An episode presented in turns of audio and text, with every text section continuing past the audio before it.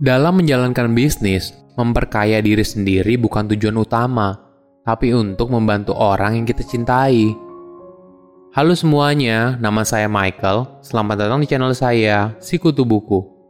Kali ini saya tidak membahas buku, tapi membahas soal kisah inspiratif dari Maharani Kemala, salah satu founder dari bisnis MS Glow, merek perawatan kulit yang cukup terkenal dan banyak dipakai oleh artis.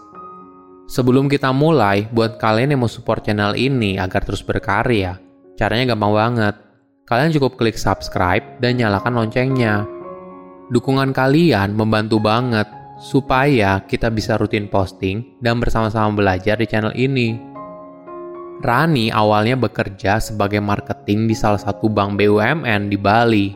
Dari bagian marketing, kemudian dia pindah ke bagian frontliner Ketika bekerja di bank, Rani merasa butuh uang tambahan. Gajinya sebagai pegawai bank tidak cukup untuk memenuhi kebutuhannya sehari-hari karena habis untuk membayar cicilan.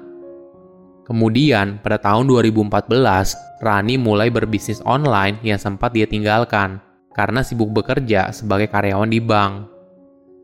Awal bisnisnya menjual baju bekas yang masih layak dengan konsep garage sale. Kemudian dari situ, Rani menggunakan uang tunjangan hari raya sebagai modal untuk berbisnis perawatan kulit. Dia menjadi reseller dengan menggunakan merek sendiri dan mengantar produknya ke rumah-rumah konsumen sehabis pulang kerja. Di masa itu, bukan hal yang mudah. Walaupun sudah capek seharian bekerja, Rani dan suami masih harus packing dan mengantar pesanan hingga jam 2 pagi, dan baru bisa tidur jam 4 pagi setiap harinya. Jalan menuju kesuksesan memang tidak mudah dan butuh proses panjang untuk mencapainya. Untungnya, karena menggunakan merek sendiri, Rani bebas menentukan harga jualnya, sehingga dia mendapatkan margin keuntungan yang lumayan besar.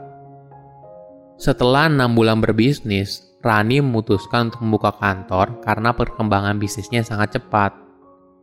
Omset di rekeningnya saat itu mencapai 700 juta rupiah Padahal modal awalnya hanya 3 juta rupiah.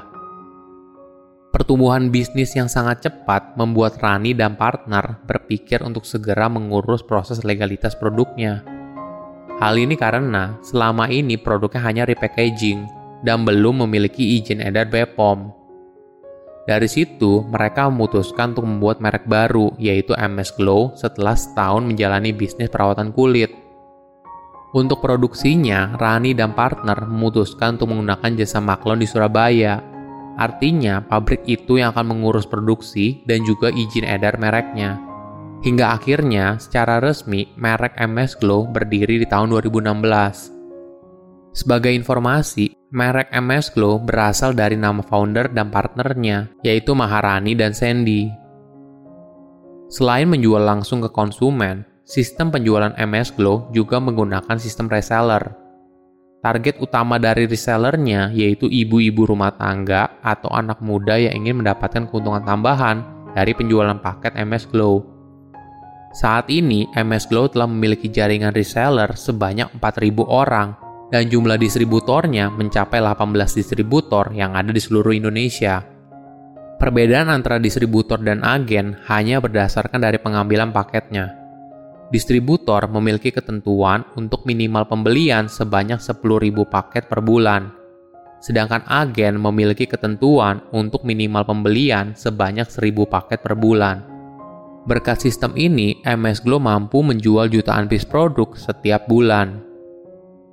Menariknya, walaupun Rani tidak memiliki latar belakang sebagai dokter kecantikan, tapi dia mampu membuat merek MS Glow sebagai salah satu merek perawatan kulit yang cukup besar di Indonesia. Rahasianya ternyata dia sudah memiliki tim R&D sendiri untuk menghasilkan inovasi produk. Jadi, karena kiblat skincare itu kebanyakan dari Korea Selatan, setiap ada produk perawatan kulit yang sedang ngetren, pasti tim R&D-nya sudah mulai mempersiapkan produk terbaru dan dikemas dalam merek MS Glow. Ada satu momen yang mengubah hidup Rani dan membuatnya semakin mantap dalam berbisnis perawatan kulit. Saat awal merintis usahanya, Rani bertekad agar adiknya bisa kuliah kedokteran. Saat itu, adiknya masih duduk di kelas 2 SMA. dan Rani masih jadi reseller produk lain. Walaupun adiknya juga tidak memaksa harus masuk ke dokteran, tapi Rani ingin sekali membantu biaya kuliah adiknya. Dia ingin sekali menyekolahkan adiknya karena sebenarnya Rani punya cita-cita mau jadi dokter. Cuma karena kondisi ekonomi keluarganya saat itu tidak memadai, maka Rani tidak bisa melanjutkan untuk kuliah kedokteran. Tapi Rani bertekad kalau dia akan menyekolahkan adiknya hingga lulus kuliah kedokteran. Rani melihat adiknya tuh punya minat yang tinggi dalam bidang kedokteran. Bahkan sejak SMA, adiknya telah lulus sekolah akupuntur. Bukan cuma punya tekad untuk menyekolahkan adiknya, Rani juga punya niat tulus lainnya. Ketika awal mendapatkan untung dari bisnis, Rani langsung memakainya untuk membayar hutang orang tuanya. Dia merasa selama ini bisnisnya cukup mulus, karena niatnya untuk membantu orang tuanya dulu, adiknya dulu, baru kemudian dia dan suami menikmati hasilnya. Rani memberikan tips apabila kamu ingin memulai berbisnis. Pertama, harus percaya diri. Kamu harus yakin kalau kamu mampu menjual produk yang kamu punya. Kedua, manfaatkan teknologi. Rani bercerita kalau klinik kecantikan MS Glow ketika baru pertama kali dibuka di Bali, waiting listnya langsung 3 bulan. Tentu saja hal ini sangat luar biasa. Rahasianya, ternyata klinik MS Glow selalu memiliki teknologi tertinggi. Bahkan pada saat itu, Rani berani menginvestasikan laser treatment yang didatangkan khusus dari Eropa dan hanya dimiliki oleh MS Glow.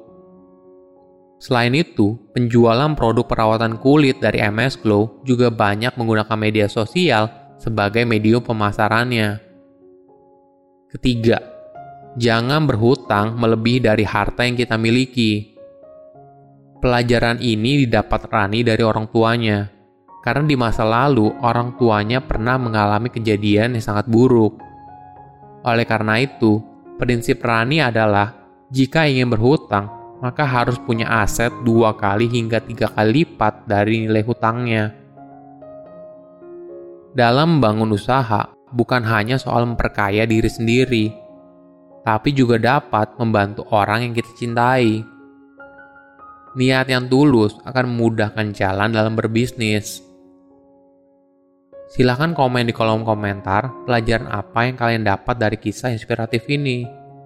Selain itu, komen juga Mau tahu kisah inspiratif apa lagi yang saya review di video berikutnya? Saya undur diri, jangan lupa subscribe channel YouTube Sikutu Buku. Bye bye.